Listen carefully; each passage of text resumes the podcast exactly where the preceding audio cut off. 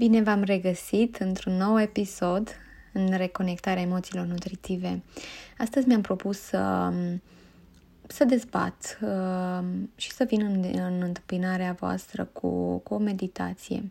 O meditație care să ne ajute să descoperim uh, acel adevăratul uh, nostru interior, să descoperim siguranța, împlinirea, astfel încât acele kilograme emoționale care au dus la depozitarea sau acumularea kilogramelor fizice în corpul nostru să fie o amintire. Așadar, aș începe prin a aduce mai multă claritate asupra acelor kilograme emoționale cum apar ele? Ei bine, uh, din ce în ce mai multă informație se află în, în media la faptul că ne putem păstra sănătoși uh, urmând anumite diete alimentare uh, stricte pentru a, fi, pentru a ajunge la obiectivul uh, propus. Uităm că noi suntem ființe umane cu adevărate nevoi psihologice, fiecare dintre noi suntem diferiți și cu diferite trăiri și obiceiuri.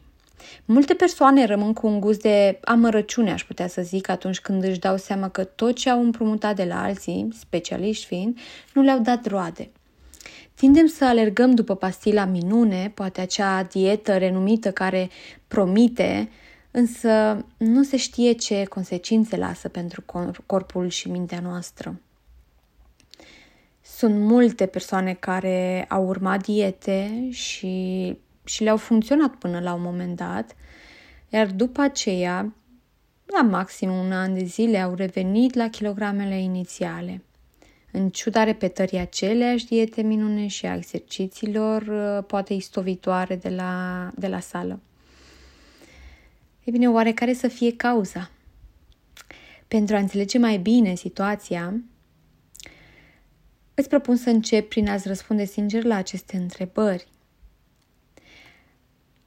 1. Ai ținut vreodată o dietă? Și dacă da, la ce vârstă ai început? Ce te-a determinat să ții acea dietă?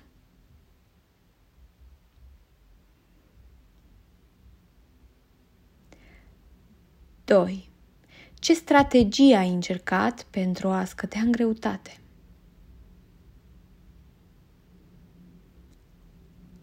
Trei. Cum te-ai simțit urmând acele strategii?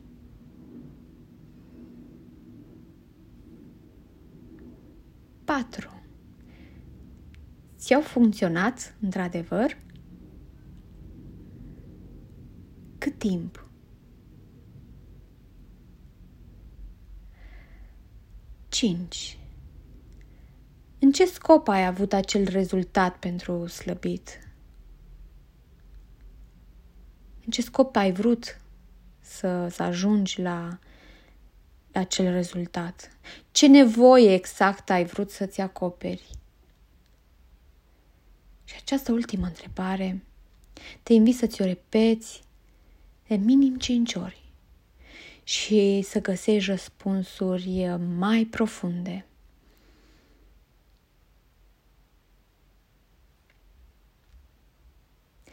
E important să, să nu ne mai ferim în a a da față cu acea emoție care, de care am tins să, să fugim.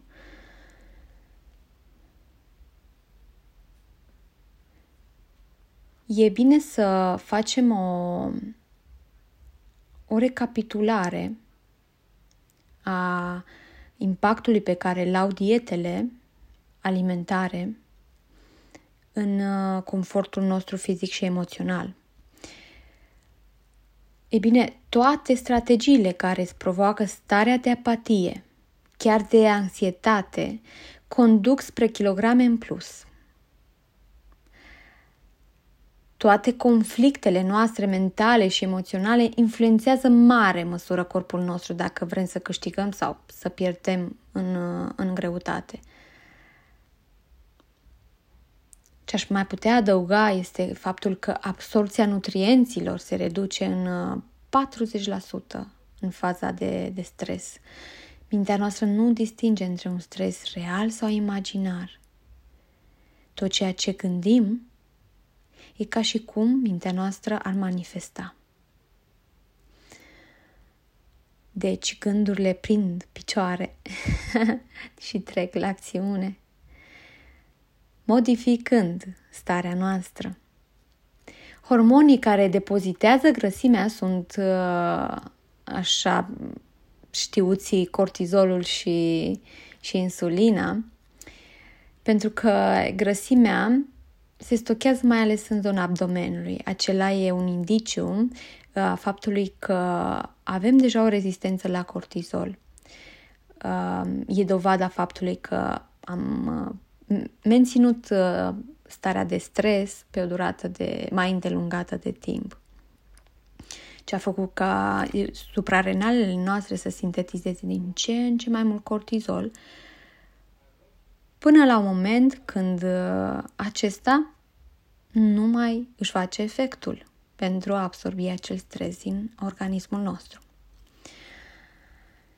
Așadar, cum stresului se face față dacă există energie, corpul alege să stocheze energia prin depozitele de grăsime pentru a face față pericolelor următoare determinate de stresul continuu.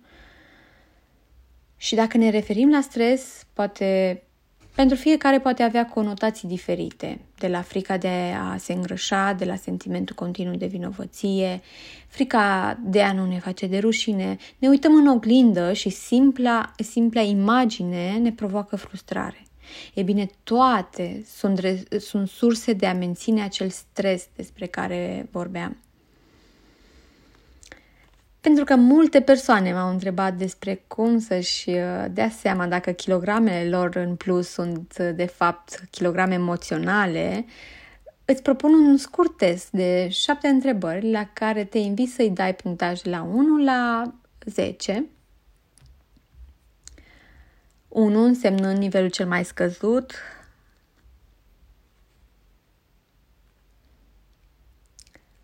Așadar, începem. 1. Simți deseori dorința de a mânca și parcă nu-ți vine să te oprești?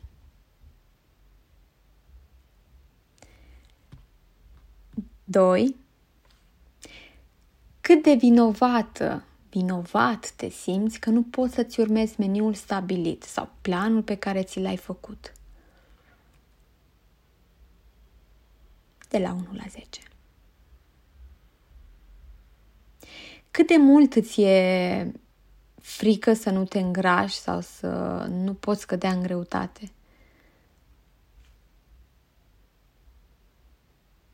Te gândești constant la mâncare?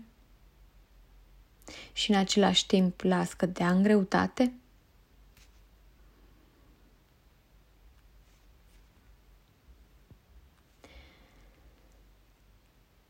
Te-ai gândit că ai fi fost mai fericit, fericită, dacă nu ai avea kilogramele în plus? Cât de mult te șochează să te uiți în oglindă?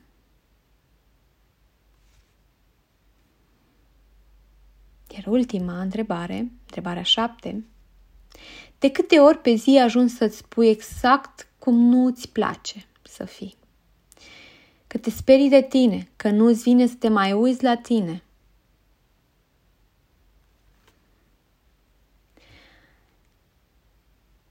Ok, dacă din toate întrebările, măcar la două întrebări ai răspuns uh, cu calificativul peste 5, Asta indică clar că involuntar te antrenezi pentru a genera continuu stres și prin urmare și kilogramele fizice la pachet cu cele emoționale. Te invit să reflectezi asupra cauzei relației tale neprietenoase cu mâncarea în primul rând. Ce greutate emoțională ascunde mâncarea? De unde se trage? E bine, plecând de la credința limitativă că trupul nostru nu e perfect, privind prin ochii societății, ni se încearcă acele gânduri nerostite, dar simțite. Și dacă mă resping, ce or să zică, dacă mă părăsește, dacă nu mă accept așa cum sunt.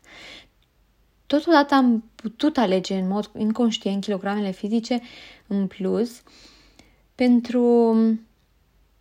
Știu că o să pară ciudat, dar poate fi o mare conștientizare pentru aceste persoane.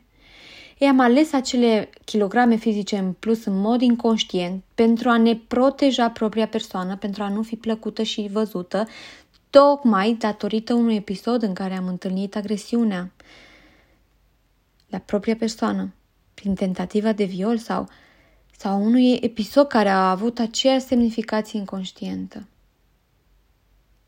Te-ai gândit oare la acea mare lipsă de iubire? Blândețe necondiționată față de propria persoană. Plecăm de la gândul că trupul nostru nu e perfect.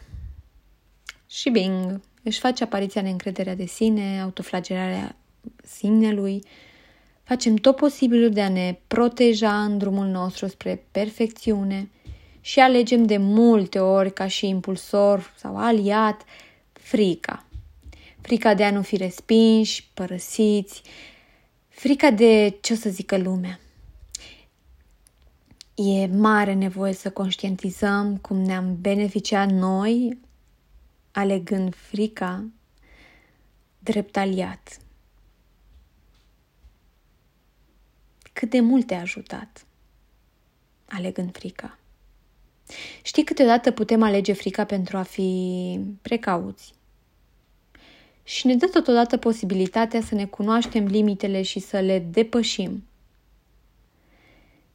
Dar cum ai folosit energia fricii până acum? Te-a, te-a propulsat sau te-a limitat în obiectivele tale, în evoluția ta? Ești pregătit, pregătită să privești corpul tău cum de mult nu ai mai făcut-o? Ești dispus, dispusă să renunți la tensiune și să slăbești ușor și natural, odată cu sentimentul acceptării persoanei tale. E bine, te invit acum la o scurtă meditație pe care am creat-o special pentru noi toți.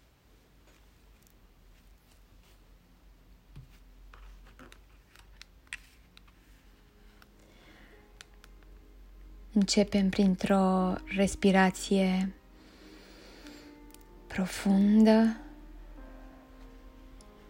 inspirând în patru timpi,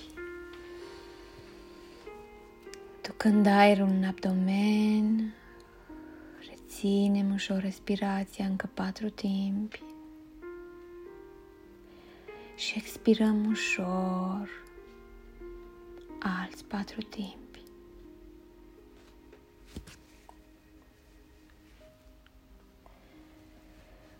Fiecare inspirație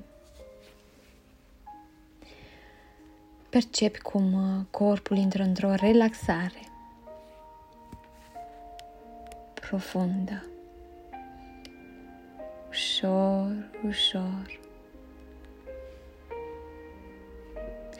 Permite corpului tău să se relaxeze, să se odihnească, să găsească acea stare uitată, această stare de bine, această stare de reîntregire. Continuă respirația, ducând aerul în abdomen, simte cum intră aerul prin nari și cu fiecare inspirație percepe cum fruntea ta se relaxează sprâncenele cad ușor, obrajii, urechile, mandibula, maxilarul.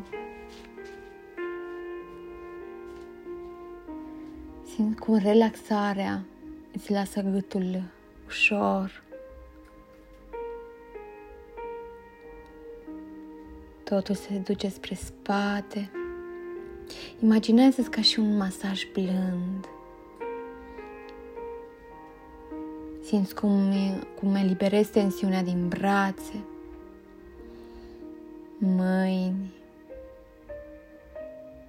degete.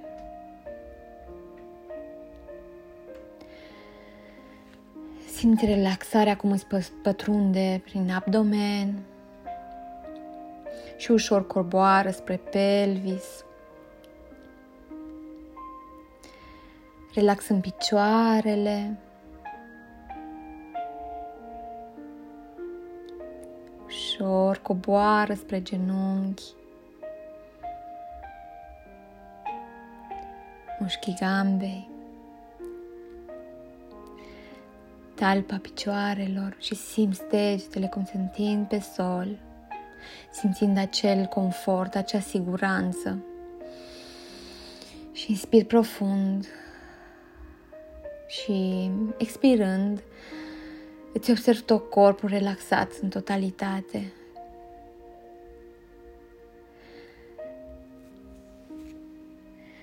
Acum, ușor, intră în contact cu acea parte a corpului tău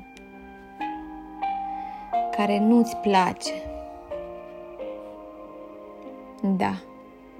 Poate fi abdomenul, poate brațele sau picioarele, șoldurile. Poate fi orice parte din corpul tău. Permite să recunoști ceea ce nu-ți place față de tine. Conectează-te acum cu această parte. Vizualizează-o și conectează-te la senzația care ți-o stârnește când te gândești sau vezi acea parte din tine. Ce simți?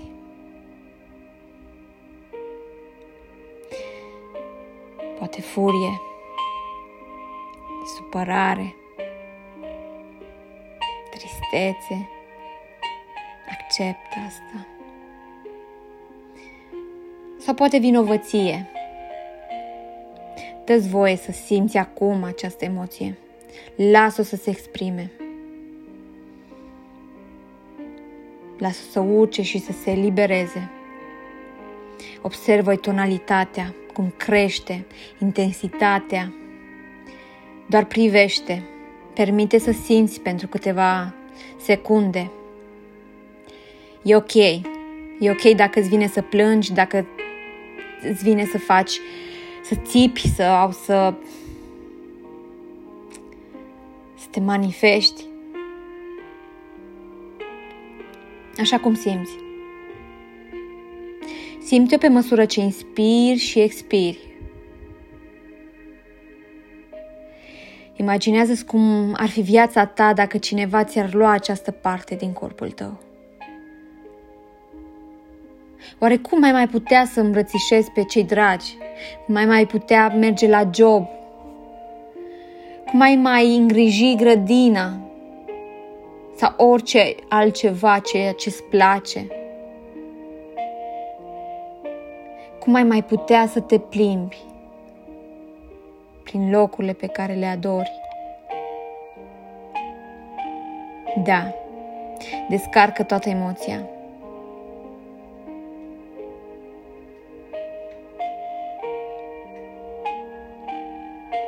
E ok.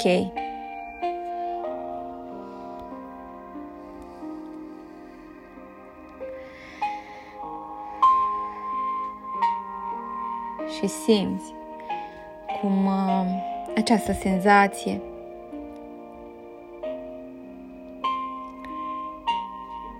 se transformă. Și parcă ceva se, se întrevede și vezi din inima ta cum iese o rază violetă și ajunge în acea parte a ta pe care nu ai valorat-o.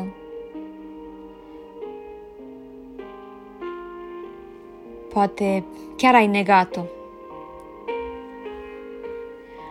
Acea lumină violet umple corpul tău acum și vindecă și regenerează toate celulele tale. Acea lumină se face din ce în ce mai mare, mai vibrantă, mai armonioasă, mult mai vie și prin intermediul ei trimiți iubire pură, blândă, acelei părți din corpul tău, acelei părți pe care nu ți-ai permis să vezi, să o vezi așa cum o vezi acum.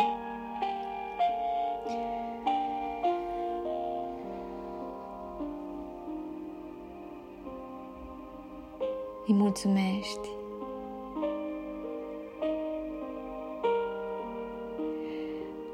Îți mulțumesc ție că ți-ai permis să vezi diferit, diferit acea parte din tine.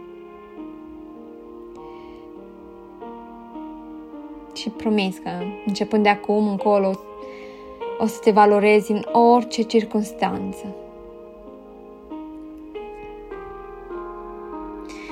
Fiecare inspirație, transmiți acelei părți toată încrederea armonia, prin acea lumină violet, vezi, simți cum se reface, întinerește, revine la forma anterioară oricărei probleme.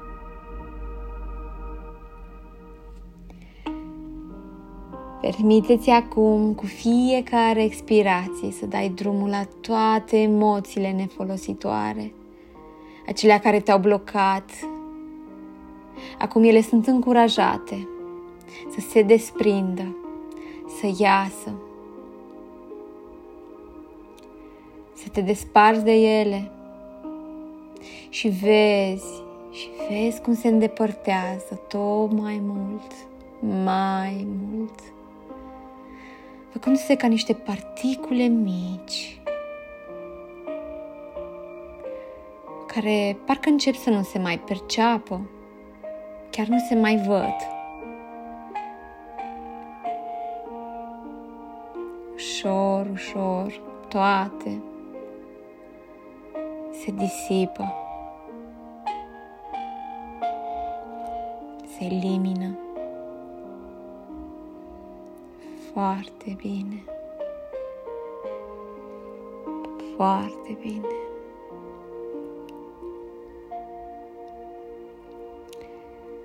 Când ești pregătit sau pregătită, mișcă corpul ușor și revin aici și acum. Poți să deschizi ochii să îți permiți să faci acele lucruri pe care nu le-ai mai făcut de mult. Acele lucruri care îți plăceau la nebunie. E cadoul pentru tine. Te îmbrățișez cu drag.